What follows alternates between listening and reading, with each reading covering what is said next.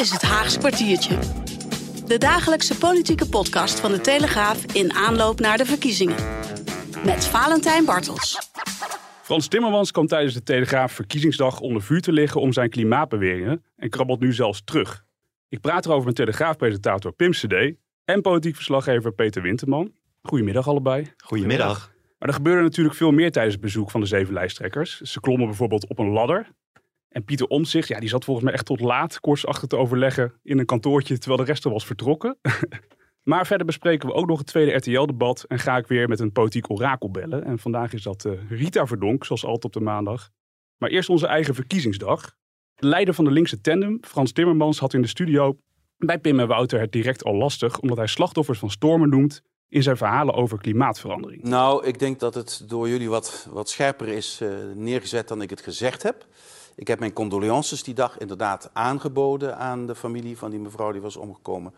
Los van die ene storm. Het is echt niet te ontkennen dat de veranderingen van weerpatronen heel radicaal is door de klimaatverandering. Dat valt niet meer te onderscheiden. Het, wetenschappelijk. van een maar je kan dus niet, je kan dus een, niet een, iedere, een... iedere storm dan precies... Ja, Pim, dit, dat ging je direct heel erg stevig aan toe. Waarom ligt dat eigenlijk zo gevoelig? Ja, om even het hele verhaal te vertellen. We hebben de storm Polly gehad. Daarbij is een vrouw om het leven gekomen omdat er een boom op haar auto viel. Timmermans heeft toen een opmerking daarover gemaakt. Hij heeft gezegd het heeft allemaal te maken met de klimaatverandering. Er is zo'n wat ophef over ontstaan bij ons in de krant, omdat de weduwnaar had gezegd van ja ik zat er eigenlijk helemaal niet op te wachten dat Timmermans die opmerking eh, maakte. Dat, dat voelde een beetje ongemakkelijk. En ja, wat Wouter de Winter ook zei, het lijkt er dan een beetje op alsof je dit gebruikt om je politieke punt te maken. En is dat dan wel zo netjes over zo'n tragisch incident? Zeker als de familie daarna zegt dat ze daar helemaal niet op zit te wachten, toch? Precies. En dan heb je dat interview en dan denk je, nou, wellicht zegt dan Frans Timmermans van ja, uh, dat heb ik me toen niet gerealiseerd of dat is misschien niet zo handig geweest. Maar je merkte dat hij eigenlijk een schepje erbovenop deed. En ook de Telegraaf aanviel. Omdat er later nog een soort gelijk incident was geweest. Er was een, een, meisje overleden. Een dochter van een collega. Uh, dat heeft ook uh, in Timmermans ogen te maken met de klimaatverandering. Daar maakte hij toen ook een opwerking over. En hij verweet eigenlijk de Telegraaf dat wij daar dan over uh, berichten. Dus je denkt misschien ergens van, nou ja, je krijgt een gesprek waarin hij zegt van, nou, hierin heb ik misschien een opmerking gemaakt en niet zo goed over nagedacht. Maar hij deed er eigenlijk een schepje bovenop. Ja, dat leidde tot een stevig gesprek ook met Wouter, Wouter de Winter. Ja. Dus wel een boeiende video, maar het, het zat wel op scherp, ja. Maar had je het idee dat hij zich iets van die kritiek aantrok? Want ja, als, als zo'n familie daarna zoiets zegt over zo'n eerste tragisch geval, dan nou, ik denk wel dat hij heeft meegekregen dat dat op, tot ophef heeft geleid. Maar je hebt natuurlijk ook op uh, zondagochtend bij Wenen op zondag gemerkt dat hij zei van, nou ja, duizend uh, dagen is er eigenlijk helemaal niks aan het klimaatbeleid gedaan. Nou, dat leidde hier ook tot boze reacties van uh, Rob Jette en Henry Bontebal. Dus hij blijft wel die opmerkingen maken. Dus hij zal ongetwijfeld zich realiseren dat het leidt tot commotie. Ja. Maar het is niet zo dat hij dan daarna zegt van, nou ja, goed, dan ga ik eventjes een stapje terugzetten. Hoewel hij dit wel weer uiteindelijk iets heeft genuanceerd. Ja, dat was het studiogesprek bij jullie. En vervolgens ging hij daar boven om een eigen krantenpagina te ja. maken. Nou, dan denk je, misschien is het daar wel een warm bad. Maar Peter, dat was, uh, dat was ook niet echt het geval. Want daar riep hij ook behoorlijk wat weerstand op. Hoe, hoe zit dat precies? Ja, ja, hij kwam dus echt de redactie oplopen. En dan hadden we verschillende tafels, uh, bureaus... waar uh, dan de krantenpagina's van de partijen gemaakt konden worden. Hij liep langs het bureau van het CDA, Henry Bonterbal... En uh, ja, dat werd gelijk een clash. Uh, er stond ook een camera van ons op, een collega van Pim die dat filmde. Henry Bontebal die verweet hem dat uh, die uitspraak van duizend dagen is er niks gebeurd. Ja, maar dat die had Timmermans dus had gezegd geloof ik uh, bij WNL op zondag. Hè? Ja. ja. klopt. Daar had hij dat verwijt gemaakt. En uh, Bontebal noemde dat een strategische blunder. Recht in het gezicht van Timmermans. Waarom zeg je dat? We, je weet dat het niet waar is. En toen ja, werd dat een beetje een ongemakkelijk gesprek. Waarbij Timmermans ook zei. Maar je hebt toch ook niks gedaan aan stikstof? En toen zei Bontebal. Ja, je had het over klimaat. Stikstof, dat is een andere discussie. Daar was Timmermans het dan weer niet mee eens. En ze kwamen daar helemaal niet uit. Hij is op zijn woorden teruggekomen. Hij heeft het uh, toch moeten afzwakken, die uitspraak. Want er is wel degelijk klimaatbeleid gevoerd de afgelopen 2,5 jaar. Ja. Ja, ik heb er ook eventjes contact over gehad met de partij. Inmiddels is het geworden dat er te weinig stappen zijn gezet. Nou, dat is wel heel wat anders dan duizend dagen niks hebben gedaan. Dus hij krabbelt daarin. Bontebal zei ook nog, je, heb jij duizend dagen onder een steen gelegen? dus uh, het was wel echt uh, een beetje pijnlijk voor Timmermans. En ook ja. Jette, die noemde hem klein en kinderachtig. Dus het was echt eventjes de confrontatie uh, die hier ja. met Timmermans... Dan, dan denk je, misschien heeft hij het gehad. Maar dan moest de, be de begroeting met Dylan Jezielkus, de VVD-lijsttrekker, nog komen. Toch weer in het land? Ja. Bent u er vanavond ook bij dan, bij het RTL-debat? Nee, ik ben er niet bij vanavond. Dat weten jullie al maanden. Oh, maar gaat u wel kijken? Uh, denk het niet, want ik heb het te druk. Ja, dit was wel vrij hilarisch, toch? Dat uh, Dylan hem daar eventjes uh, heel subtiel en fijntjes hem dat even invreef. Heeft hij net bij Pim en Wouter op de sofa gezeten? Ja. Dan krijg je de tafel ja, met nou, bontebal. Ik, en, ik, ik, begon dat interview ook met een tweet die Caroline van der Plas had geplaatst over Malaga schepijs. Waarmee natuurlijk meteen de vraag van, goh, van Wouter van hoe was het daar nou eigenlijk? En vindt u niet dat u hier moet zijn? Dus ja, het was voor Timmermans nogal een, een heet dagje telegraaf, ja. Ja, jij hebt niet alleen Timmermans bij je op de bank gehad en bij, uh, bij Wouter de Winter. Um, want er zijn zeven lijsttrekkers in anderhalf uur voorbij gekomen. Ja. Nou, die hebben natuurlijk hun standaard campagneteksten klaar liggen. Maar wat, wat vond je nou het meest opvallende gesprek erin? Wat viel jou verder daarin op? Nou, wat ik sowieso erg leuk vind, is dat als je bijvoorbeeld ook naar het RTL-verkiezingsdebat uh, kijkt, of ook naar andere debatten, dan merk je dat de politici enorm geprept zijn. En dat er ook het risico is dat dat natuurlijk toch een beetje een voorgekoud debat gaan worden. Waarmee ik trouwens geen kritiek wil uiten, op de collega's die daar ook hartstikke hard voor werken. Maar als die politici hier komen, dan merk je toch dat het een beetje low-key is. Ze vinden het ook allemaal wel leuk om hier te zijn, toch die kranten zien, de Geert Wilders maakt geloof ik elke verkiezing weer de grap van... nou, als ik één andere baan mag hebben, is het wel hoofdredacteur van de En dan gaat hij vervolgens met zijn benen op tafel van de hoofdredacteur exact, zitten. Exact, En ze komen dus ook best ontspannen die studio in. En, en zeker ook met, uh, met Wouter, die ook vrij direct is. En ja, ik hou er ook van om een beetje scherp te interviewen in Den Haag. Krijg je toch hele ontwapenende, open gesprekken. Dus dat is eigenlijk hartstikke leuk. En zo hebben we met alle politici hebben ze een beetje uit de tent proberen te lokken. En dat heeft uh, volgens mij hartstikke goed uitgepakt, ja. Volgens mij is dat ontzettend goed gelukt. Maar los daarvan uh, was er natuurlijk ook wel echt veel ruimte voor geintjes nog. Want dat is ook een beetje de opzet van die hele middag. Boven mochten ze op de redactie uh, allemaal een eigen blok hun verkiezingspagina maken daar kwam van alles bij kijken. Ze mochten bijvoorbeeld ook een handtekening op de pilaar zetten, wat altijd gebeurt. En ja, daar werd toch wel een soort strijd om gevoerd. Ja, doe maar zo hoog mogelijk dan. Doe. Hey jongens, als ik Hoger. foto's hè? Hoger. Hoger joh.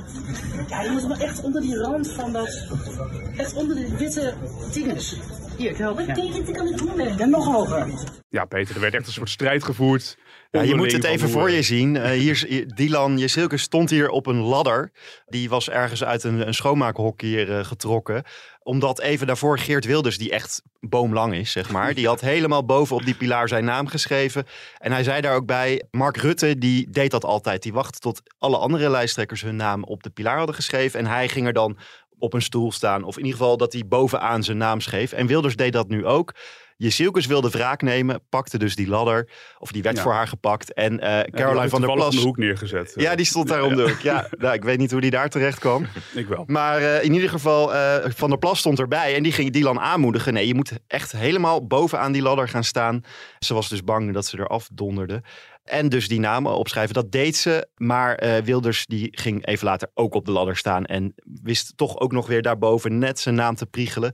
Dus het was misschien een beetje kinderachtig, maar ook wel heel grappig. En het liet goed zien wat Pim net zei, dat de sfeer wel eh, los was. En dat lijsttrekkers wel op hun gemak waren hier op de Ja, redactie. zeker. En ik vond, eh, als je dan vraagt wie maakte er een, eh, een goede indruk. Henry Bontebal sowieso wel in deze campagne. Hè. Die is toch heel fris en opgeruimd. Dat is overigens wel aardig, want je probeert hem dan toch een beetje uit de tent te lokken. Dus ik vroeg, wat is nou eigenlijk het meest seks, drugs en rock en roll aan nu, meneer Bontebal? Nou, daar wilde hij dan toch eigenlijk geen antwoord op geven.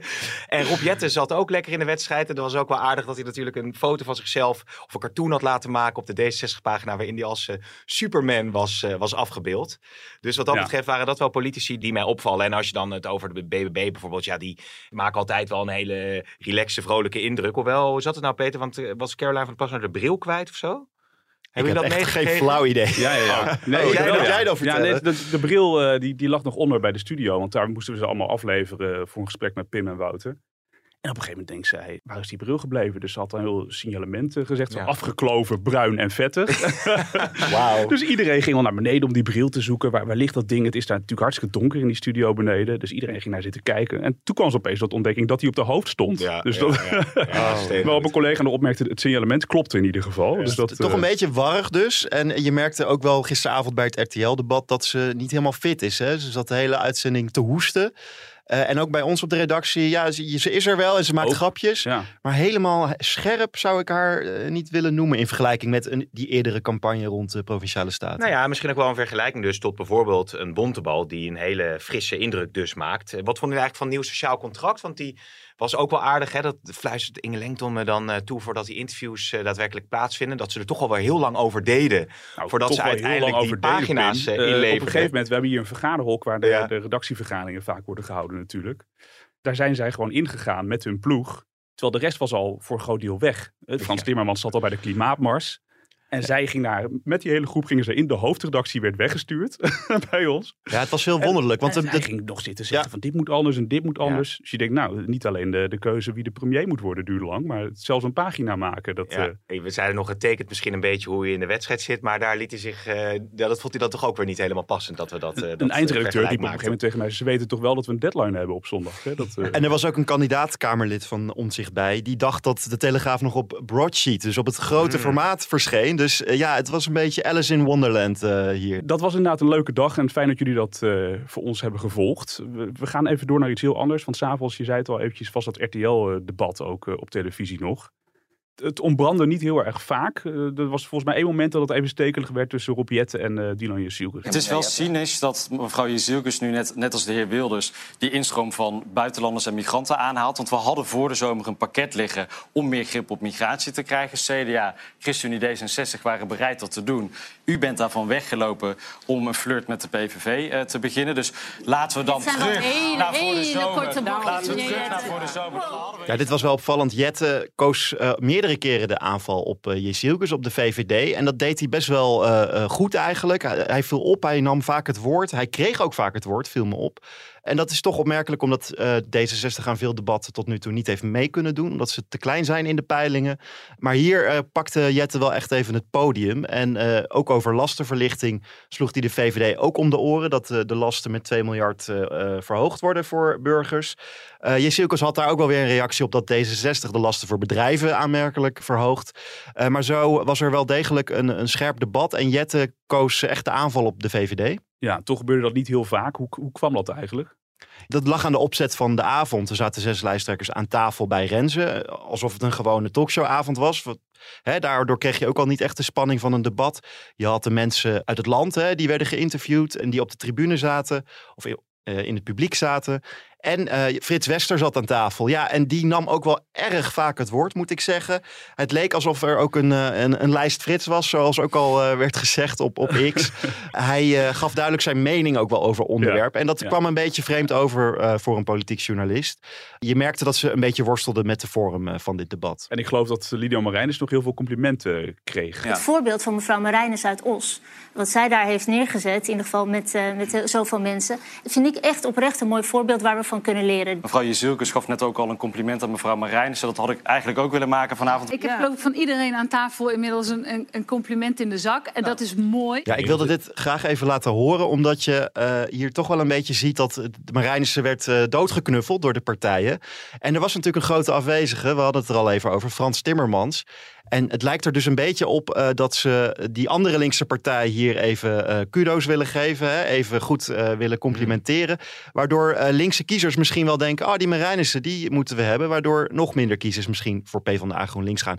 Ik weet het niet zeker hoor. Maar ik kan me voorstellen dat dat een rol speelt... bij het complimenteren van Marijnissen. Pim en Peter, ontzettend bedankt allebei dat jullie dat voor ons hebben gevolgd. En dan ga ik nu bellen met het politiek orakel van vandaag. En dat is niemand minder dan Rita Verdonk. Het orakel.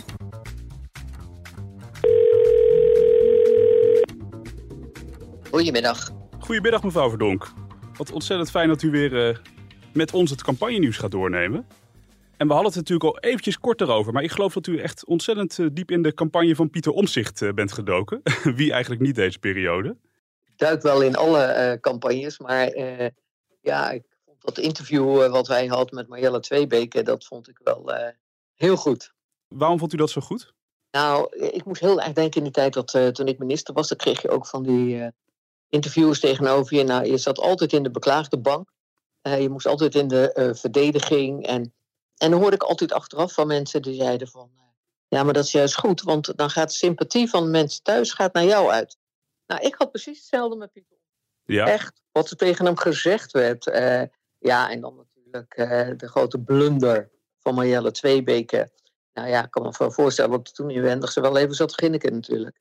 Ja, maar herkende u ook uzelf dus eigenlijk een beetje in dat beklaagde bankje waar die, waar die in zat? Ja, zeker. Twee van die interviewers en die, die eigenlijk alleen constant bezig zijn om, uh, nou laat ik het zo zeggen, uh, stoten uit te delen. Hè, verbaal dan, soms ook onder de gordel.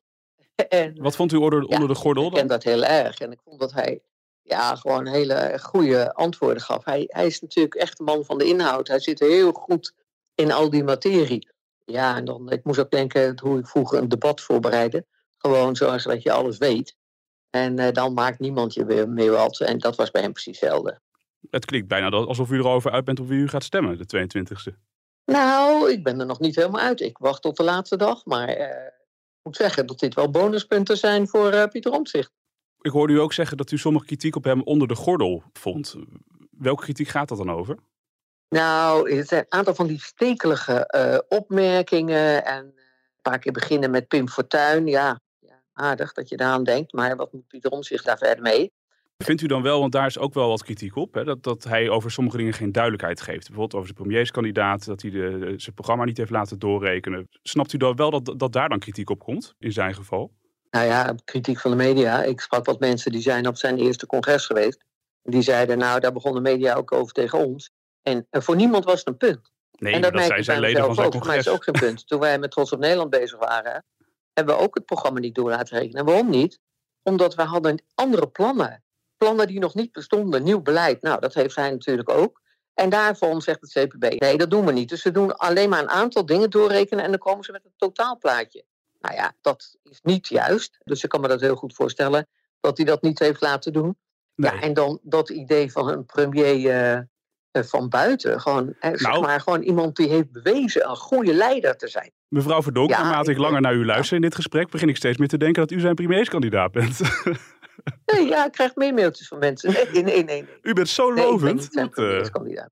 nou, u bent beschikbaar, heeft u in de eerste aflevering eh, met, met u gezegd. Dus dat, eh, wie weet. Ging het over een eventueel ministerschap, hè? Ja, nee, oké, dat klopt. We blijven met u in de gaten houden en eh, volgende week maandag spreken we u uiteraard graag weer. Oké, Oké, bedankt week. hoor. Dag. Dit was de Haas kwartiertje. Leuk dat je luisterde. Morgen om half vijf zijn we er weer. Tot dan.